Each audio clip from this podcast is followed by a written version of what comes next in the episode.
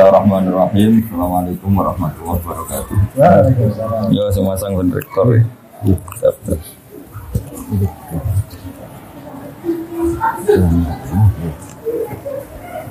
Bismillahirrahmanirrahim. Wassalamualaikum ala rasulillah Sayyidina Muhammadin wa ala alihi wa. Eh, Teman-teman Unisula yang saya hormati, wakil khusus Pak Rektor. Ini langsung ngaji ya, karena waktunya tidak banyak. Jadi ini kitab-kitab yang saya baca ini di antaranya itu ada penjelasan tentang musibah. Musibah itu dari kata sesuatu yang mengenai kamu. Eh, kemudian identik dengan makna yang tidak menyenangkan. Sebetulnya kata musibah itu tidak harus yang menyusahkan. Apa saja yang mengenai kamu itu namanya musibah. Karena disebut ma'asobaka min hasanatin faminallah. Itu kan dari kata apa saja mengenai kamu, baik itu kebaikan juga namanya ma'asobaka. Makanya terusannya ayat wa ma'asobaka min sayyatin. Jadi Nah, kemudian orang itu karena nafsunya besar, kalau yang tidak dikehendaki itu dianggap problem. Ya, kalau yang tidak dikehendaki itu namanya problem. Kalau yang dikehendaki namanya nikmat. Nah, bahasa itu bahasa manusia. Kalau bahasanya Allah tidak tahu. Misalnya Anda jadi panitia ozon, malaikat penjaga ozon. Mungkin kalau nggak ada penerbangan itu mereka syukuran, karena nggak ter ganggu. Tapi kalau Anda pengusaha penerbangan ya nganggap ini musibah. Jadi kalau kamu nanti ketemu malaikat penjaga ozon, kemurnian lapisan ozon, kamu nganggap, wah ini susah nggak ada penerbangan, pasti kamu di semprot. kalau ngomong yang baik. nah, begitu juga petani itu kadang minta hujan, kok pas hujan deras, tanyakan bakul es. Enggak payu kan gitu. Jadi di ilmu kitab-kitab yang saya baca kata musibah, kata nikmat itu ada yang hakikat, ada yang menurut kita. Karena ya tadi kalau anda malaikat penjaga ozon mungkin syukuran karena nggak ada loh penerbangan ya. Kalau anda menteri bagian nangani tenaga kerja tambah banyak pabrik tambah senang karena menyerap tenaga kerja. Tapi kalau anda mungkin menteri lingkungan hidup Oh ini banyak limbah, ini banyak polusi. Nah kira-kira seperti itulah gambaran hidup. Kalau Pak Bejo jadi rektor, kata kroninya ya Alhamdulillah, kata musuhnya ya ini musibah. Alhamdulillah. Nah, jadi pola-pola sosial itu begitu. Lima pemilihan ini Gus. Artinya kalau kalau kita pakai bahasa manusia akan selalu gitu, ada subjektivitas, ada nisbi, ada Lalu gunanya ngaji sama dia ya tadi orang dilatih pakai bahasanya Allah. Ya bahasanya Allah tadi ya ya kita tidak tidak tahu persisnya ini nikmat apa musibah, tapi dibalik itu ada hikmahnya itu itu sudah sudah dekati bahasa ketuhanan karena apa? Ya tidak mengklaim. Saya sering guyon, meskipun tuh guyon tapi tak ilmu nih. Misalnya tadi kamu ada pasangan nganten baru yang baru harmonis harmonisnya itu Orang mesti bilang alhamdulillah harmonis. Hmm. Tanyakan ibunya itu mulai lupa daratan, lupa ibunya, lupa keluarganya kalau harmonis punya sama istri itu pasti. Jadi kalau ada pasangan harmonis, tanyakan ibunya. Menantu jenengan baik enggak? Oh, ngurus ibu june tok lali wong tua. Atau tanyakan temannya. Saya lali konco, saya lali temen gitu karena saking mesranya sama Nah, di semua segmen kehidupan itu seperti itu, Pak Bejo. Ya. Sehingga agama itu mengajarkan bahasa-bahasa sakral yang tidak lekang oleh waktu yaitu misalnya baca subhanallah suci Allah alhamdulillah subhana rabbiyal azim. Karena bahasa manusia itu tidak pernah sempurna. Yang sempurna itu bahasa ajarannya Allah. Kalau itu kan permanen. Keadaan apa pun ya Allah itu maha suci. Keadaan apa pun ya alhamdulillah. Keadaan apa pun Allahu akbar. Sekali kamu kerana manusia itu ruwet. Ya, tadi misalnya kalau sebuah negara itu makmur, makmurnya orang toat untuk ke masjid, makmurnya orang nakal. Mesti ke tempat-tempat mak. Ya. Jadi kalau kamu berdoa makmur, untuk siapa? Hmm. Dan ukurannya dipakai untuk apa? Iya. Kamu dapat uang banyak, alhamdulillah. Kalau orang baik uang banyak pikirannya ya untuk nafkahi anak istri bangun masjid ini. Nah, kalau orang nakal kan nanti pikirannya macam-macam. Mungkin ingin judi, ingin booking siapa, atau untuk kepentingan apa. Ya di sini ini baiknya agama. Agama datang untuk manusia. Terus ada ketentuan halal haram, ketentuan melawan hawa nafsu, ketentuan mengelola nafsu, ketentuan meminimalkan nafsu. Nah tanpa itu bahasa-bahasa nikmat itu hakikatnya adab karena nikmat yang mengarah ke untuk maksiat. Nah itu pentingnya ngaji. Jadi orang akan ya tadi. Jadi, kalau kamu punya toko sedang laris-larisnya, Iya. tanyakan toko rivalnya. Saya ini sepi laris wae Pak. Toko pesaing. Iya. Iya, iya, iya. Tapi nanti yang sedang tidak laris jangan katakan terus jatuh tidak juga baru kayak ra laris wis bergaya loro kabeh tak ibadah wae. Nah, hal-hal seperti ini harus diperhatikan supaya orang itu menilai yang dialami tidak pakai ukuran nafsu tapi ukuran menurut Allah Subhanahu wa taala ma'indallah. Jadi menilai makanya disebut wal baqiyatu sholihat baqiyat itu sesuatu yang abadi Iya. Solihat itu yang bagus. Makanya disebut kalimat thayyibah itu subhanallah bihamdi la ilaha illallah itu kalimat itu tuh permanen. Tapi kalau kalimat manusia itu tidak permanen.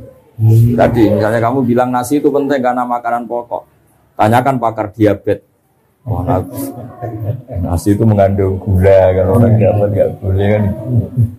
Jadi selalu ada masalah. Jadi sama bisa melihat itu nikmat karena bisa melihat apa saja. Kamu mulai tersiksa punya istri jelek ya karena sering banyak melihat itu. Harusnya sadar bahwa yang kamu punya itu paling tidak cantik itu. Baru kayak sering apa? Melihat itu. Nah, sama. Banyak ada orang punya Innova itu senengnya bukan main. Itu mulai ada musibah ada temannya sana main pakai Alphard. Semruntuh dia. Gara-gara melihat Alphard terus kelihatan Innovanya itu jelek. Makanya guyonannya orang-orang haji itu kalau haji kenapa kamu nangis? Semua orang tuh kok cantik karena melihat orang Pakistan, Turki yang jelek hanya istri saya. Biasa. Akhirnya ganti anak istrinya nangis. Kenapa kamu nangis? Semua orang kok ganteng, yang jelek hanya suami saya. Ah, di sini hebatnya agama. Ukuran mengelola nikmat itu la tamud dan na'inaika. Kamu jangan pernah melihat yang tidak milik kamu karena awal ketidaksyukuran tuh melihat. Jadi awal ketidaksyukuran tuh karena melihat. La tamuddanna ainaika jangan arahkan pandangan kamu ke hal-hal yang ya tadi. Jadi rektor sudah syukur. Eh, nanti kalau ketemu menteri terus dididing-didingi, dikandang-kandani itu. Boleh kok jateh diamu itu. Betul, betul, betul, betul. Jadi menteri pendidikan juga ya bisa ngatur rektor. Ini kalau ketemu presiden Bisa, bisa main. doa ya. Nah, nanti jadi presiden juga ya, tapi nanti kalau ada Indonesia ada nggak benernya, ada miskinnya juga mungkin salah-salahan. Tok, eh. Sebenarnya semuanya juga ada problem itu. Nah, tapi kalau kita melihatnya dengan ketentuan Allah, rektor itu amanah, presiden itu amanah, menteri itu amanah. Saya pernah didatangin seorang menteri juga pernah didatangin orang-orang top. Gus saya ini jabat top, ini gimana? Ya saya bilang kalau itu mas'uliyah, tanggung jawab, maka itu ibadah. Tapi kalau kamu rofahiyah, dipakai hura-hura itu ya maksiat. Insya Allah tanggung jawab. Ya, Karena tanggung jawab kan malah memperbesar ganjaran kan. Kalau kamu sebelum rektor kan kebaikan kamu terbatas di teman kos, teman relasi. Tapi kalau jadi rektor kan satu uni, sula. Makanya pernah ada seorang wali ditanya, kalau andai kan kamu punya doa satu untuk siapa? Untuk presiden. Kenapa ya? Kalau yang baik RT kan kebaikannya hanya satu RT. Kalau yang baik bupati hanya satu kabupaten. Kalau yang baik presiden satu negara. Jadi masyur itu. Jadi ada seorang wali ditanya. Kalau misalnya kamu levelnya RT, kalau kamu tak yang baik kan, ya namanya levelnya. Ya, makanya ada wali yang sangat luar biasa ditanya. Andai kan kamu punya satu doa sosial, ya kalau doa pribadi kan tentu husnul khotimah. Kalau kamu punya jatah doa satu doa sosial, kamu peruntukkan siapa untuk presiden? Kenapa? Sekali beliau baik, manfaatnya lebih luas kan? Ya ini punya jatah 21 duduk anak RT yang baik ya sudah ya satu kawasan itu aja. Yang baik.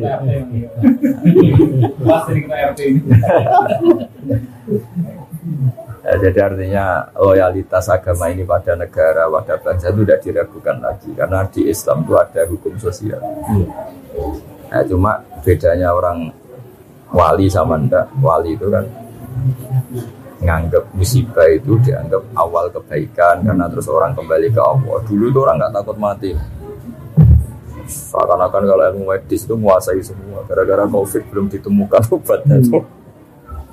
Banyak yang tawaduk. Kemarin-kemarin kayak ada ada kematian itu, udah orang PD-nya hidup. Gara-gara ada COVID. Antara orang awam sama profesor sama, sama-sama ngitung hari. Takutnya. Iya kan? Jadi selemah itu manusia ngadepin musibah. Wah, itu pontang panting semua negara katanya medisnya paling bagus kayak negara-negara maju juga pontang panting semua. Iya. Jadi makanya saya mohon dari pengajian ini, dari ngaji ini, sampai kalau sholat itu lebih in. Kalimat yang kamu lapatkan di sholat itu kalimat paling permanen. Robbana lakal hamdu, engkau layak dipuji, engkau maha suci, engkau maha besar. Itu kalimat permanen. Kalau kalimat yang kamu bikin itu tidak ada yang permanen karena subjektivitas tadi. Ketika kamu bilang tadi penerbangan itu kosong atau minim, itu kamu anggap musibah. Kata malaikat penjaga ozon itu bagus. Ketika Kementerian Tenaga Kerja bilang banyak pabrik itu bagus penyerapan tenaga kerja, tanyakan ahli lingkungan. Iya. Sama di presiden juga sama. Ketika ini jadi presiden temannya partainya bilang alhamdulillah tanyakan rivalnya atau musuh politiknya. Rektor juga sama. Toko juga sama. Hal-hal seperti ini terus menjadikan wali-wali itu nggak bicara tentang makhluk, hanya bicara tentang Allah. Makanya terus toreko toreko itu kan wiridan paling kelima kan Allah, Allah, Allah. Maksudnya sudah sudah lah makhluk sudah. Bismillahirrahmanirrahim. Sumadarhum fi khawdini alabun sudah semuanya itu orientasinya ke Allah saja, yang lainnya itu biarin itu. Zarhum fi khawdihim yal'abun. Makanya ada sholat istisqa nggak mandi-mandi itu karena yang di pojok bakul es. Ini kalau mandi esnya ada baik. Ini baik. Nah, ternyata ketika orang lain semangat amin karena sawahnya banyak. Terus ini aminnya tenang. Kenapa kamu tidak semangat? Saya tidak punya sawah, gak ada hujan juga gak apa-apa. Saya ini penjual es. Jadi apa ya? Ya, ya gitu itu kehidupan ya gitu. Wong ini kabar-kabarnya itu kata ilmuwan-ilmuwan itu lapisan ozon tuh membaik itu sekian puluh persen gara-gara pengurangan Penerbangan. penerbangan. Oh iya, bisa kamu bayangkan kayak Singapura, Hong Kong per menit ada. Ya kan, yang pesawat-pesawat, yang bandara-bandara paling sibuk. Coba kalau kamu jadi malaikat bagian jaga ozon, rapat terus, gimana ini hentikan pesawat? Mungkin rapatnya tuh, udah kofikan aja, kalau diet. Ya meskipun itu guyon, tapi orang biar tahu lah kalau semua yang diciptakan Allah itu ada hikmahnya. Maksud saya itu, itu ada. Kalau ada pabrik tutup, tanyakan pakar lingkungan. Bagus sekarang sudah tidak ada limbah, kenapa pabriknya tutup? Tapi kalau tanyakan pekerjanya, susahnya. Nah bayangkan kalau bahasa bahasa subjektivitas gini dipakai ilmu hakikat kan kacau. Tapi kalau di PSDA itu hukum sosial pasti ada subjektivitas. Kalau ilmu hakikat ya tadi yang PHK ya tidak mesti gak dapat pekerjaan saja dapat pekerjaan yang lebih baik. Kan kemarin banyak pilot yang jadi penjual mie. Iya. Tapi ketika ditanya hasilnya sedikit tapi kepuasan batinnya meningkat ya karena ketemu keluarga, ketemu Hmm. yang dulu nggak kebayang kan? Ya saya berharap cara pandang Islam ini kita ikuti bahwa di balik semua itu ada hikmah dan menjadikan kita kembali kepada Allah Subhanahu wa taala. Saya kalau nyontohkan di masyarakat itu gini, ketika kamu kecil, dolanan keran itu seneng kira karuan. Dolanan yuyu seneng, dolanan hal-hal yang nggak menghasilkan uang itu seneng. Tapi ketika Anda dewasa, Anda dokter, Anda profesor, Anda kiai besar menjadi goblok. Untuk seneng aja nunggu punya Alphard, punya uang, punya rumah. Berarti pinter caci Hmm. saat cilik itu untuk seneng tuh hal-hal sepele bisa bisa bahagia. Hmm, iya, iya. Tapi kalau habis profesor, habis seneng canggih. Padahal ciri utama orang pinter kan mudah mendapatkan yang diinginkan. Ternyata untuk seneng harus mahal. Sementara caci cilik untuk seneng itu segampang itu. Terus pinter mana kita dengan anak-anak? Jadi itu pelajaran bagi kita bahwa kalau kamu di dunia ingin senang, ketika kita kecil, ketika kita miskin, mau melarat itu sama mobil sebenarnya. Kayak ongkos ada di serbu kos semua lagi pak, terlambat bayar. Jadi makanya saya pernah ketemu menteri itu kalau guyon itu, enak arah menteri saya. Saya dulu itu melihat orang jadi menteri itu top. Setelah saya jadi menteri itu merasa tidak top. Ya kenapa? Karena ke semua kesalahan di kementerian saya kayak salah saya. Dulu kan nggak pernah salah. ya kan kalau kamu nggak menteri pelhukam nggak ada keamanan apa kan kamu nggak salah. Orang miskin kalau kamu tidak menteri ekonomi kan nggak. Iya betul. Gara-gara kamu menteri malah menjadi jadi salah kan? Kalau kamu tidak ketua bulog kalau nggak ada kesediaan jelas kan nggak salah. Kalau kamu ketua bulog kan menjadi kalau kamu nggak rektor kesalahan Unisula kan nggak salah kamu. Gara-gara rektor ikut salah kan? Salah. Itu hebatnya Islam. Makanya Nabi itu harus punya hak syafaat. Kenapa Nabi itu punya hak syafaat karena seorang Nabi itu yang bertanggung jawab itu kecil umatmu itu bersyafaat Hmm. Ya sama. Kalau kamu sudah kadung jadi dokter, ini mahasiswa kamu. Kalau ada apa-apa, kamu harus ikut tanggung. jawab. Makanya agama ini datang dengan rasionalitas yang tinggi. Kenapa Nabi itu punya hak syafaat? Ya karena beliau dekat Allah itu pasti. Ya karena tadi kita ini kadung umatnya, maka menjadi tanggung jawab beliau. Dan kita membaca sholawat itu bukti kita loyal. Sama seperti mahasiswa harus punya kartu mahasiswa bukti kalau kita loyal.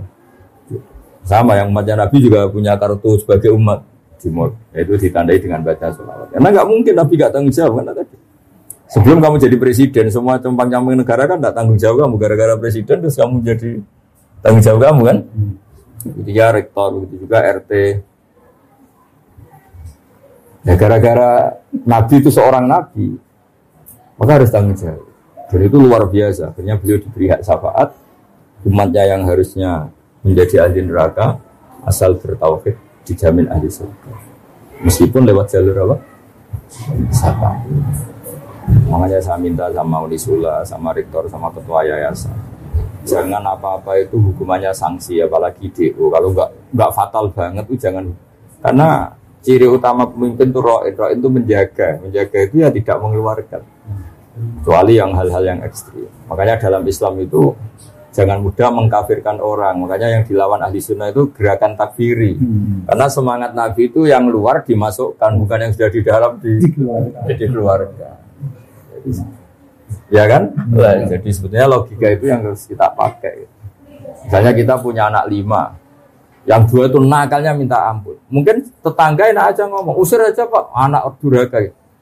Itu yang ngomong enteng gitu mesti tetangga sebelah. Hmm. Bagi kita orang tuanya, enak kira rasanya. Iku anakku kan? Sama. Nabi itu nggak terima kalau umatnya dikeluar-keluarkan dari Islam karena Nabi sangat mencintai umatnya. Bahkan yang nakal pun Nabi menghentikan itu tak beri hak syafaat. Syafaat ila ahli KPR umat. Saya punya jatah syafaat untuk umatku secara jelas-jelas itu. Karena semangatnya mengambil, mem- mengambil atau memasukkan yang luar. Nah, ya kalau anak-anak nakal itu semangat orang tuanya kan dandani. Enak wae tonggo usul kon ngusir ya. Nah, pola-pola itu yang harus kita perkuat, semangat memasukkan, semangat mengayomi, semangat jaga stabilitas, memanage konflik, memanage per- perbedaan. Tadi, di mana-mana Nabi diutus itu memperbaiki yang kurang baik, memasukkan yang belum masuk. Makanya kenapa aliran-aliran takfiri itu ditentang mati-matian oleh mayoritas ahli sunnah, mayoritas umat Islam. Itu sebetulnya nentangnya itu bukan karena sentimen, tidak logika sosialnya begitu di mana-mana. Ininya kita ini ya, ya kan kita inginnya kan warga Indonesia sing rapati ngaku Indonesia itu menjadi sangat Indonesia. gitu. Yang unisula, yang belum Islami menjadi sangat unisula. Ini semangatnya itu memasukkan, bukan mengeluar, bukan mengeluarkan. Ya. Ya kan jelas kitabnya udkhulu fisilmi kafa. Ya kan pengumumannya untuk masuk, bukan untuk keluar. Jadi logika logika kita menentang takfiri sudah mengkafirkan itu sebenarnya logika umum sebenarnya. Ya, ya memang begitulah. Kalau kita sebagai pengayom masyarakat inginnya ya itu tidak hanya dalam ahli sunnah. Ya kalau kita ketua RT ketua RW kita kiai kita tokoh inginnya ya semangatnya merangkul. Bukan memukul bukan ya, jadi tadi ya pesan saya kalimat-kalimat toibah yang anda baca di sholat itu jiwai karena itu kalimat yang permanen kalimat yang kamu lontarkan dari diri kamu sendiri itu pasti ada subjektivitas itu tidak bisa kamu pakai swan Allah. Yang bisa dipakai swan Allah itu kalimat-kalimat thayyibah tadi. Karena itu permanen, kebenarannya permanen. Makanya disebut wal baqiyatus sholihatu khairun inda rabbik. Tapi kalau kalimat yang kita utarakan itu subjektif semua. Bilang sayang istri ya sampai kapan kan pertanyaan. Ya kan? Cinta Unisula ya sampai kapan? Nanti kalau ada konflik tawarin kampus lain yang menjanjikan perlu dipertimbangkan juga kan? Apalagi cinta partai ya. ya malah tinggal mana ya kan malah ya kan? Jadi kalau cinta manusia, bencinya manusia itu ya subjektivitasnya seperti itu. Jadi kalau cinta Allah itu yang abadi. Waladina amanu asyaddu hubbal Lillah, kalau kamu mukmin betul ya orientasi yang paling kamu cintai itu Tuhan. Nah sekarang ngaji seperti ini sudah langka. Dikira kalimat-kalimat toibah itu kayak mantra, kayak rutinitas itu enggak itu filosofi. Oh, ya itu kalimat permanen yang bisa kamu tanggung jawabkan depan Allah itu ya Allahu Akbar kalimat. Makanya saya bilang sering memberi contoh itu kalau ada semut sama semut pacaran gitu misalnya pacarannya itu di daun, di daun mangga misalnya. Dia asik sama yang disenangi pacaran. Kata-kata semut kan, saya asik pacaran karena pasangan saya mencintai saya. Sebaliknya bilang gitu. Tapi kalau kamu yang mengendalikan, kamu asik itu karena godong ini orang tak kipat no. Sekali tak kipat no tuntas kan.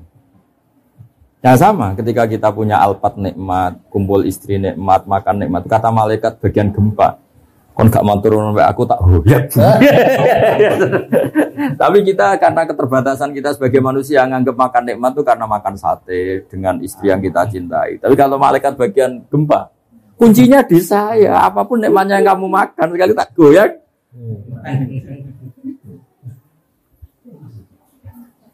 Nah, itu, nah, itu sirinya, rahasianya. Kenapa kiai itu matehai malaikat, matehai penjaga langit, penjaga bumi itu karena itu berkontribusi dalam kenikmatan yang kita. Ya. kalau kamu udah kamu fatihah itu wah, bisa tersinggung saat itu ya selesai. Nah, itu bedanya kiai sama rektor, pak.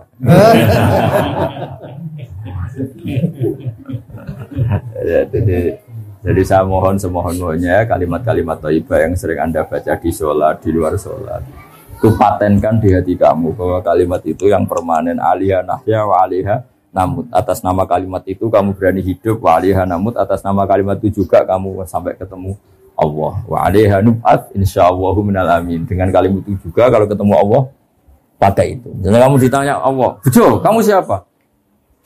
Mukmin Gusti. Aktivitas kamu bersaksi bahwa engkau itu ala kulli syai'in qadir. Kalau depan Allah kamu siapa? Rektor Gusti Mana kampusnya sudah berkiamat kan nggak ada kampus.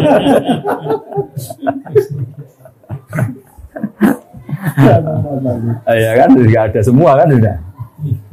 Ya, jadi makanya disebut ma indakum yanfadu wa ma indawahi bag. Apa yang di sekeliling kamu bisa hilang, tapi kalau yang di terkait Allah itu akan apa? Makanya saya minta jenengan jadi rektor juga melihatnya untuk kemanfaatan agama. Hmm. Ya, jadi siapa saja orientasinya itu agama. Hmm. Saya sendiri itu sering tersiksa misalnya terganggu karena saya mungkin mungkin ya mungkin terkenal dianggap alim. Tapi kalau sudah ingat barokahnya terkenal saya bisa menterkenalkan Allah dan Rasul lewat hukum-hukum yang ditulis para ulama. Bukan Allah yang Rasul menurut hukum yang ditulis orang-orang bodoh. Kan repotnya itu kan gitu kan. Semuanya orang ngatasnamakan Allah dan Rasul. Sementara dia tidak pernah ngaji. Pertanyaan cerdasnya kan gini. bagaimana itu mewakili hukumnya Allah dan Rasul, dia Quran aja ada hafal, hadis. Pasti itu pendapatnya dia kan. Tapi kalau yang ngendikan kalau Allah wa Rasul itu orang alim kan dia bacanya banyak. Itu kan menurut Unisula, ternyata dia tidak tahu tata tata tertib di Unisula. Pasti menurut dia kan.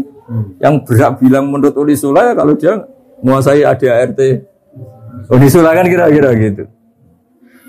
Menurut Indonesia ternyata dia ada orang yang ahli UD 45, ada ahli apa. Berarti menurut dia bukan menurut Nah kira-kira gitu di dunia kiai kalau menurut Islam ternyata dia ada menguasai Quran, ada menguasai hadis. Menurut Islam menurut dia? ya kira-kira gitu. Makanya saya seneng kalau yang yang ngaji itu orang yang menguasai Quran dan hadis. Supaya menyampaikan pendapat Islam ya sesuai referensi dan bentukan Allah dan Rasul karena bacanya banyak yang berak ngomong saya ini Indonesia ya yang baca UD, baca ini itu Pancasila supaya sangat Indonesia itu. Baca nggak mau. Tahu-tahu menurut Islam. Islam yang mana? Dia nggak pernah. Mana ada seorang kiai pidato tak tegur dia langsung istighfar. Orang kiai itu harus kalah. Kalau nggak kaya nggak dihormati. Walhasil kiai itu suatu saat teman saya tak tanya.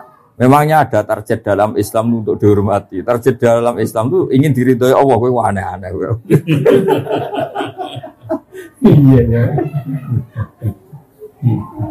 Terus kata harus itu kan harus. Kiai harus kaya. Harus itu artinya kalau wajib kan pengganti katanya wajib. Berarti yang miskin dosa semua. Terus dia bilang astagfirullah, sudah keliwat, sudah gak bisa diistighfar berat itu. Caranya istighfar kamu harus mencabut kalimat itu di depan umum karena kamu utarakan di depan umum, Iya iya iya. kamu harus cabut juga di depan umum. Jadi kapan-kapan kalau pidato bilang gini, ternyata kaya itu wajib, miskin juga penting. Kak, itu kan karena dia cerminan pikirannya dia karena lama miskin terus bosan miskin terus saking bosannya terus bilang iya harus bosan-bosannya sendiri harus jadi statement atas nama Islam. Coba kalau itu diomongkan pas acara Isra Mi'raj, dia seorang kiai dengan atribut kiai yang ditunggu-tunggu fatwanya, ini kan seakan-akan fatwa Islam ini. Padahal fatwanya sendiri. Nah itu makanya saya mohon ya kalau sholat, kalau pas wiridan, tengah malam, subhanallah, astagfirullah itu anggap itulah kalimat permanen yang alihah nahya, wa alihah namut, wa alihah nub'as, insya Allah ta'ala.